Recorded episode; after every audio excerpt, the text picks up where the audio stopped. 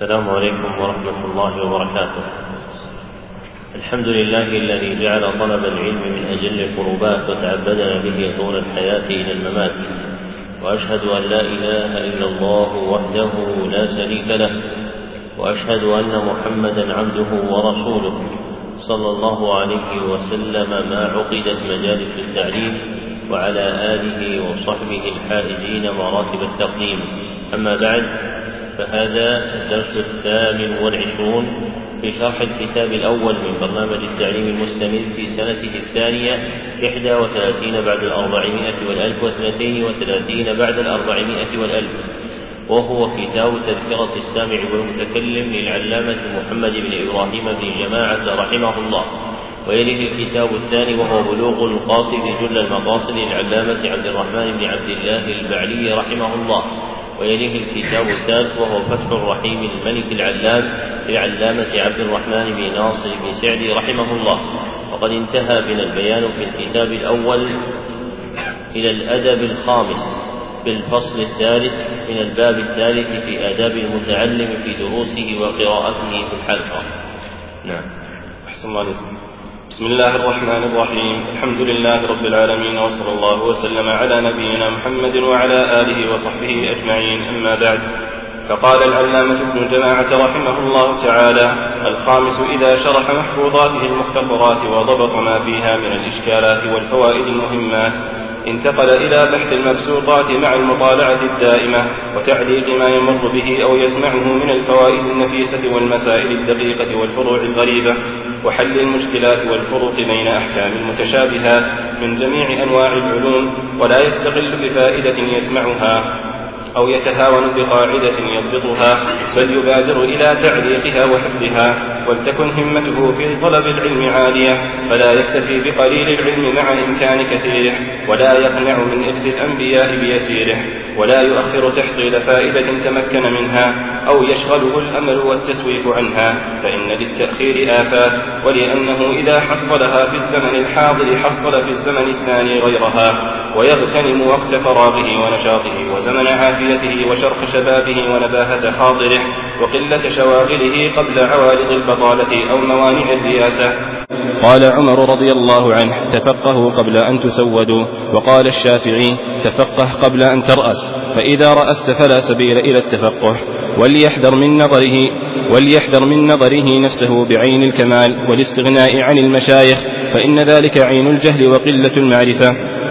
وما يفوته أكثر مما حصله. وقد تقدم قول سعيد بن جبير لا يزال الرجل عالما ما تعلم. فإذا ترك التعليم وظن أنه قد استغنى فهو أجهل ما يكون.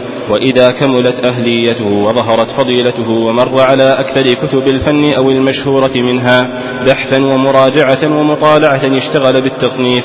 وبالنظر في مذاهب العلماء سالكا طريق الإنصاف فيما يقع له من الخلاف كما تقدم في أدب العالم. السادس أن يلزم حلقة شيخه في التدريس والإقراء بل وجميع مجالسه إذا أمكن فإنه لا يزيده إلا خيرا وتحصيلا وأدبا وتفضيلا كما قال علي رضي الله عنه في حديثه المتقدم. ولا يشبع من طول صحبته فإنما هو كالنخلة تنتظر متى يسقط عليك منها شيء ويجتهد على مواظبة خدمته والمسارعة إليها فإن ذلك يكسبه شرفا وتبجيلا. ولا يقتصر في الحلقة على سماع درسه فقط إذا أمكنه فإن ذلك علامة قصور الهمة وعدم الفلاح وبطء التنبه بل يعتني بسائر الدروس المشروحة ضبطا وتعليقا ونقلا إن احتمل ذهنه ذلك ويشاء أن كل درس منها له. ولا عمري إن الأمر لكذلك للحريص فإن عجز عن اعتنى بالأهم فالأهم. ويمكر مواظب مجلس الشيء وقع فيهم والضوابط والقواعد وغير ذلك وأن يعيدوا كلام الشيخ وينبغي المذاكرة في ذلك عند القيام من مجلسه قبل تفرق أذهانهم وتشتت خواطرهم وشذوذ بعض ما سمعوه عن أفهامهم ثم يتذاكرونه في بعض الأوقات. قال الخطيب وأفضل المذاكرة مذاكرة الليل. وكان جماعة من السلف يبتدئون في المذاكرة من العشاء فربما لم يقوموا حتى يسمعوا أذان الصبح. فإن لم يجد الطالب من يذاكره ذاكر نفسه بنفسه وكرر معنى ما سمعه ولفظه على قلبه ليعلق ذلك على خاطره. فإن تكرار المعنى على القلب كتكرار اللفظ على اللسان سواء بسواء. وقل أن يفلح من اقتصر على الفكر والتعقل بحضرة الشيخ خاصة ثم يتركه ويقوم ولا يعاوده. السابع إذا حضر مجلس الشيخ سلم على الحاضرين بصوت يسمع جميعهم وخص الشيخ بزيادة تحية وإكرام وكذلك يسلم إذا انصرف وعد بعضهم حلق العلم في حال أخذهم فيه من المواضع التي لا يسلم فيها وهذا, وهذا خلاف ما عليه العمل والعرف ولا لكن يتبه ذلك في شخص واحد مشتغل بحفظ درسه وتكراره وإذا سلم فلا يتخطى رقاب الحاضرين إلى قرب الشيخ من لم تكن منزلته كذلك بل يجلس حيث انتهى به المجلس كما ورد في الحديث.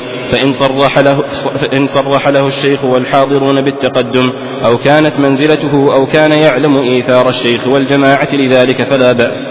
ولا يقيم أحدا من مجلسه أو يزاحمه قصدا فإن آثره الغير مجلسه لم يقبل إلا أن يكون في ذلك مصلحة يعرفها القوم ينتفعون بها من بحثه مع الشيخ لقربه منه إن, إن, إن, إن لكونه كبير السن أو كثير الفضيلة والصلاح. ولا ينبغي لأحد أن يؤثر بقربه من الشيخ إلا لمن هو أولى بذلك لسنه أو علمه أو صلاحه بل يحرص على القرب من الشيخ إذا لم يرتفع في المجلس على من هو أفضل منه وإذا كان الشيخ في صدر مكان فأفضل الجماعة أحق بما على يمينه ويساره وإن كان على طرف صفة أو نحوها فالمبدلون مع الحائط ومع طرفها قبالته قبالته. وينبغي للرفقاء في درس واحد أو دروس أن يجتمعوا في جهة واحدة ليكون نظر الشيخ إليهم. قبالته بالضم. أحسن عليكم. ومع طرفها قبالته وينبغي للرفقاء في درس واحد أو دروس أن يجتمعوا في جهة واحدة ليكون نظر الشيخ إليهم جميعا عند الشرح ولا يخص بعضهم في ذلك دون بعض. وقد جرت العادة في مجالس التدريس بجلوس المتميزين قبالة وجه المدرس والمبدلين من معيد أو زائر عن يمينه ويساره.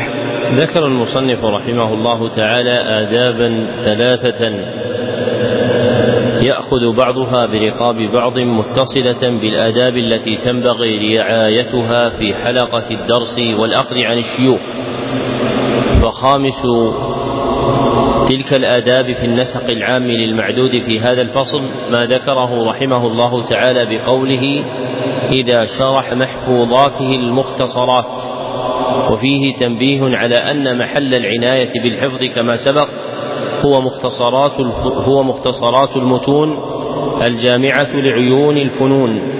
فإذا شرح تلك المختصرات وضبط ما فيها من الإشكالات والفوائد المهمات انتقل إلى ما وراءها وذلك الذي هو وراءها بحث المبسوطات مع المطالعة الدائمة وتعليق ما يمر به أو يسمعه من الفوائد النفيسة. إلى آخر ما ذكره المصنف رحمه الله تعالى. وإلى هذا المعنى أشار الزبيدي رحمه الله تعالى بقوله في ألفية السند فما حوى الغاية في ألف سنة؟ شخص فخذ من كل فن أحسنه بحفظ متن جامع للراجح تأخذه على مفيد ناصح ثم مع المدة فابحث عنه حقق ودقق ما استمد منه. فأشار إلى أن البحث عن عويص المشكلات وما يحتاج إليه من الفوائد النفيسات والمسائل الدقيقات ينبغي أن يكون مؤخرا لا يشغب المرء على نفسه حال استشراحه المتون بالسير معه فإن الإنسان إذا استرسل مع طلب ما تتطلع إليه نفسه من مشكلات المسائل وشذور مطولات البحوث العلمية ربما صرفه ذلك عن المقصود الأعظم وهو تفهم المتون التي يحفظها. فلا ينبغي للإنسان حال استشراحه المتون إلا أن يكون شغله هو فهم تلك المتون التي استشرحها. ثم إذا فرغ من ذلك انتقل بعد ذلك إلى مرحلة تكون وراءها. وهي مرحلة البحث في المبسوطات مع المطالعة الدائمة وتعليق ما يمر بالإنسان أو يسمعه من الفوائد النفيسة والمسائل الدقيقة وحل المشكلات والفروق بين أحكام المتشابهات. ثم قال المصنف رحمه الله ولا يستقل بفائدة يسمعها أي لا ينظر إليها بعين القلة بل يستكثرها فإنه أرجى للانتفاع بها أو يتهاون بقاعدة يضبطها فإن التهاون بالمهم يؤدي إلى ضياعه سواء كان في العلم أو في غيره. وأرشد المصنف إلى ما ينبغي فعله فقال بل يبادر إلى تعليقها وحفظها وفق ما يتفق له فإن وجد ظهر الكتاب صالحا لذلك قيده وإن لم يجده كذلك ووجد معه ورقة علق تلك الفائدة فيها. فلا ينبغي للإنسان أن يهمل فائدة تمر به وتعلق بخاطره حتى يقيدها لئلا تضيع لأن التقييد إخراج للعلم من باطن القلب إلى ظاهره فإذا اجتمع أخذ العلم على الباطن والظاهر قوي ثبوته فيه.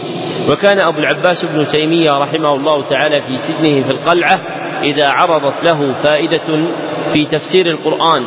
وكان منع الورق والأقلام كتبها بالفحم على جدار السجن. لتبقى هذه الفائدة أمامه يستحضرها فيحفظها. فإن الإنسان إذا أخرج علمه من وعاء القلب وجعله في ورقة بقي أكثر حضورا أمام ناظريه فثبت في قلبه. ثم قال رحمه الله ولتكن همته في طلب العلم عالية فلا يكتفي بقليل العلم مع إمكان كثيره ولا يقنع من إرث الأنبياء بيسيره ولا سيما إذا آتاه الله عز وجل آلة كاملة قوية على أخذ العلم. وكان المتنبي ينشد ويقول ولم أر في عيوب القادرين ولم أرى في عيوب الناس عيبا كنقص القادرين على التمام فمن أشد العيوب التي تلحق بالخلق من كانت له قدرة ثم ينزل بنفسه عما يستطيع أن يحتويه بهذه القدرة. وإذا كان هذا في المطالب عامة فإنه في إرث الأنبياء أولى وآكد. فلا ينبغي أن يقنع الإنسان من إرث الأنبياء وهو العلم بشيء يسير مع القدرة على ما فوق ذلك. ثم قال ولا يؤخر تحصيل فائدة تمكن منها أو يشغله الأمل والتسويف عنها فإن للتأخير آفات وربما يريد الإنسان أن يؤخر شيئا ثم يفوته ولا يمكنه استدراكه. وكان بعض السلف يقول إن سوف من جند إبليس. أي أن من الجنود الإبليسية التي تتسلط على الناس تسويفهم لأنفسهم بإدراك شيء فلا يزال الأمل يتمادى بهم حتى يفوتهم ما أملوه وأرادوه. ثم قال ولأنه إذا حصلها في الزمن الحاضر حصل في الزمن الثاني غيرها فجمع إلى تلك الفائدة فائدة أخرى في الزمن الذي كان ينتظره. ثم قال مرشدا ويغتنم وقت فراغه ونشاطه وزمن عافيته وشرخ شبابه أي أول شبابه ونضارته ونباهة خاطره وقلة شواغله قبل عوارض البطالة أو موانع الرئاسة لأن الإنسان تعرض له عوائد وشواغل وقواطع فإن لم يغتنم الفراغ والصحة والقدرة على الشيء ربما عسر عليه أن يحرزه إذا أراده. ومن جملة ذلك ما صح عن عمر رضي الله عنه فيما علقه البخاري ووصله غيره أنه كان يقول تفقهوا قبل أن تسودوا أي قبل أن تصيروا سادة لأن الإنسان إذا صار سيدا منع العلم بأحد شيئين. أولهما الكبر فإن من الناس من إذا استولى على منصب أو رئاسة أو جاه استكبر على العلم. فلم يرضى لنفسه أن يجلس مع آخريه لأنه صار في مقام سيادة ورئاسة فيمنعه الكبر الذي اعترى قلبه واعتلاه من أخذ العلم. والآخر شغله بهذه السيادة فإن الإنسان إذا صار سيدا مقدما يفزع إليه في رئاسة أو منصب أو جاه أو غير ذلك شغل بالآخرين عنه الفازعين إليه اللائلين به عن مزيد التفقه. فإذا سلم الإنسان من بلية الكبر ربما عرض له وارد القطع بالشغل بهذه السيادة التي صار فيها. وكان السلف رحمهم الله تعالى يكرهون أن يبادر الإنسان الرئاسة لأنها تشغل الإنسان وتقطعه. إما بكثرة كثرة متعلقاتها أو ببلاء كبريائها. فلا ينبغي للإنسان أن يطلب الرئاسة حتى يتأهل لها تأهلا يرى أنه في ذلك نفع للناس. فإذا رأى أن له أهلية في العلم وأن الناس ينتفعون برئاسته في العلم في تعليم أو إفتاء أو غير ذلك فإنه يقدم عليه. وأما رئاسة الشباب فإنه كما قال سفيان وغيره إذا ترأس الحدث فاته علم كثير. ومن ذلك قول الشافعي رحمه الله تفقه قبل أن ترأس فإذا رأست فلا سبيل إلى التفقه أي للأمرين السابق ذكرهما. ثم قال وليحذر من نظره نفسه بعين الكمال والاستغناء عن المشايخ فإن ذلك عين الجهل وقلة المعرفة وما يفوته أكثر مما حصله لأن الإنسان يبقى محتاجا إلى العلم متجددا معه حتى يتوفاه الله عز وجل.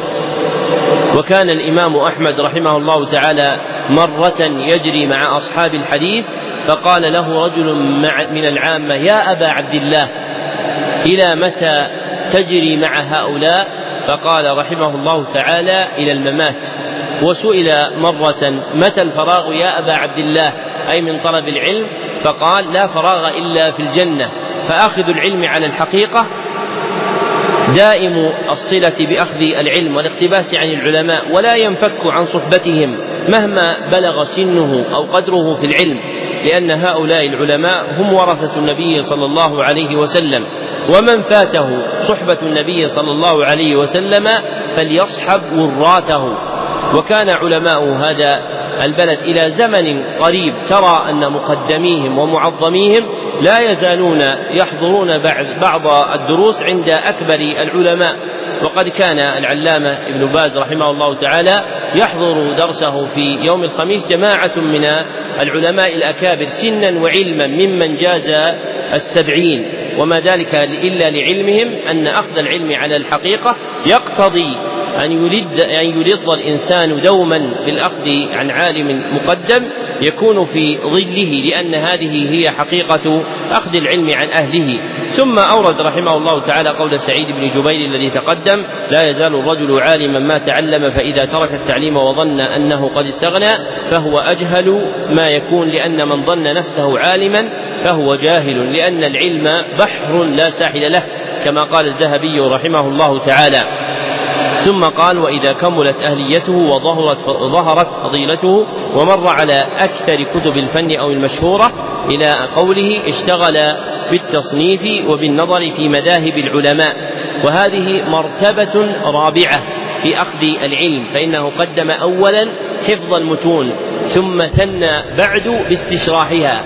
ثم ثلث بعد بالبحث في عويص مشكلاتها وشذورها المتفرقة ثم ختم بمرتبة رابعة هي من طرائق أخذ العلم وهي التصنيف فيه لكن شرطه كما ذكر المصنف رحمه الله تعالى تبعا للخطيب البغدادي وغيره كمال الأهلية وظهور الفضيلة. فإذا كملت أهلية المرء في العلم وظهر فضله ونبله فيه فإنه ينبغي له أن يشتغل بالتصنيف لأن التصنيف إعادة للعلم ونفع للخلق. فإن الإنسان إذا صنف حفظ علمه بتكراره ونفع الخلق بما يبديه لهم من الفوائد. ثم أرشد رحمه الله تعالى إلى أدب من آداب التأليف فقال سالكا طريق الإنصاف فيما يقع له من الخلاف كما تقدم في أدب العالم. والعلماء رحمهم الله تعالى صنفوا في آداب العلم ومتعلقاته ومن جملة ذلك آداب التأليف فإن لهم فيها مصنفات من أشهرها كتاب السيوطي رحمه الله تعالى في آداب التأليف. ومن أخذ بالأدب في التأليف نفع وانتفع ومن خرج عن ذلك أضر نفسه وأضر بالمسلمين. ومن أعظم آداب التأليف سلوك طريق الإنصاف. ولهذا اقتصر عليه المصنف مرشدا إليه فقال سالكا طريق الإنصاف. والإنصاف أمره شاق وليس شيئا تجري به الألسن بل إن إنصاف الإنسان الخلق من نفسه شديد ثقيل عليها لأن النفس مطبوعة على الظلم والجهل والمرء يريد أن يرى مكانه فإن هذه جبلة آدمية وخلقة إنسانية لا يتخلص منها إلا من وفقه الله سبحانه وتعالى. ولعزة هذا قال الإمام مالك رحمه الله تعالى الإنصاف عزيز. قال ابن عبد الهادي تلميذ أبي العباس بن تيمية بعد نقله إياه إذا كان هذا في زمان مالك فكيف يكون الأمر بعده؟ انتهى كلامه. وإذا كان هذا في زمان ابن عبد الهادي فكيف يكون الحال اليوم؟ ولكن الإنسان إذا جاهد نفسه والتمس إقامة العبودية لله سبحانه وتعالى ولاحظ بعين الرعاية أمر الله عز وجل ونهيه وفقه الله إلى طريق الإنصاف. فإن فرغ قلبه من هذه المعاني سلك الإنسان بنفسه طريق الاعتساف. ومن لازم الإنصاف فتح الله عز وجل له ينابيع الفهم في العلم فذاق من حلاوتها ما يحرمه المتعسفون في مقالاتهم في أبواب العلم. ثم ذكر رحمه الله تعالى الأدب السادس وفيه الإرشاد إلى ملازمة حلقة شيخه في التدريس والإقراء. بل وجميع مجالسه إذا أمكن لأن ذلك لا يزيده إلا خيرا وتحصيلا وأدبا وتفضيلا كما قال علي في حديثه المتقدم الذي رواه الخطيب في الجامع وغيره وفي إسناده انقطاع أنه قال ولا يشبع من طول صحبته فإنما هو كالنخلة تنتظر متى يسقط عليك منها شيء فكل ما يصلك من العالم هو خير تنتفع به وينبغي لطالب العلم أن يجتهد على المواظبة في خدمته والمسارعة إليها فإن ذلك يكسبه شرفا وتبجيلا لأن العالم وارث النبي فكما أن خدمة النبي صلى الله عليه وسلم شرف للمرء وعز فكذلك خدمة العلماء شرف لمن خدمهم وعز لهم. والمراد بالخدمة ما لم يجعل الإنسان نفسه في مقام ذل ومهانة. فإن كمل العلماء لا يرضون بذلك من الناس فكذلك ينبغي للمتعلم ألا يجعل نفسه في مثل هذا بل الصادق من العلماء يزجر الناس عن ذلك ولا يرضى في خدمته إلا ما جرت العادة به مما لا ينزل الإنسان نفسه فيه منزلة ذل ومهانة لأن كمال الأخلاق مبني على المروءة سواء كان مع العالم أو مع غيره. ومرد تقديرها إلى العرف فما قدره العرف ذلا ومهانة فإنه لا ينبغي للإنسان أن يأخذ به وما لم يكن كذلك فإن خدمة العالم به شرف وتبجيل. ثم قال ولا يقتصر في الحلقة على سماع درسه فقط إذا أمكنه فإن ذلك علامة قصور الهمة وعدم الفلاح وبطء التنبيه بطء التنبه بل يعتني بسائر الدروس المشروحة ضبطا وتعليقا ونقلا إن احتمل ذهنه ذلك أي لا يقنع. بكتابه الذي يقرأه على الشيخ بل يشارك أصحابه الآخرين الآخذين عن الشيخ فيحضر معهم دروسهم ويعتني بضبط وتعليق ما يمر من الفوائد معهم. ثم قال رحمه الله تعالى فإن عجز عن ضبط جميعها اعتنى بالأهم في الأهم منها لأن من قواعد العلم بل ما يطلب جميعا أن يقدم الإنسان الأهم قبل غيره كما قال حافظ الحكمي وبالمهم المهم ابدأ لتتقنه. ثم قال وينبغي أن يتذاكر مواظب مجلس الشيخ ما وقع فيه من الفوائد وأن يعيدوا كلام الشيخ فيما بينهم فإن في المذاكرة نفعا عظيما لأن مذاكرة العلم ومراجعته بين الأقران بعرض بعضهم على بعض ما علقوه من الفوائد والضوابط والقواعد عن شيخهم يرسخ ذلك العلم في نفوسهم. ومن الأبيات المشهورة في هذا المعنى ما رواه الثعالبي في كتاب منتخب الأسانيد بإسناده إلى الحافظ أبي الحجاج المزي رحمه الله تعالى أنه كان ينشد من طلب العلم وذاكره حسنت دنياه وآخرته. فأدم للعلم مذاكرة فحياة العلم مذاكرته. فإذا أدام الإنسان مذاكرة العلم حفظه وثبت في فؤاده وإذا تركه ذهب ذلك العلم الذي تعلمه.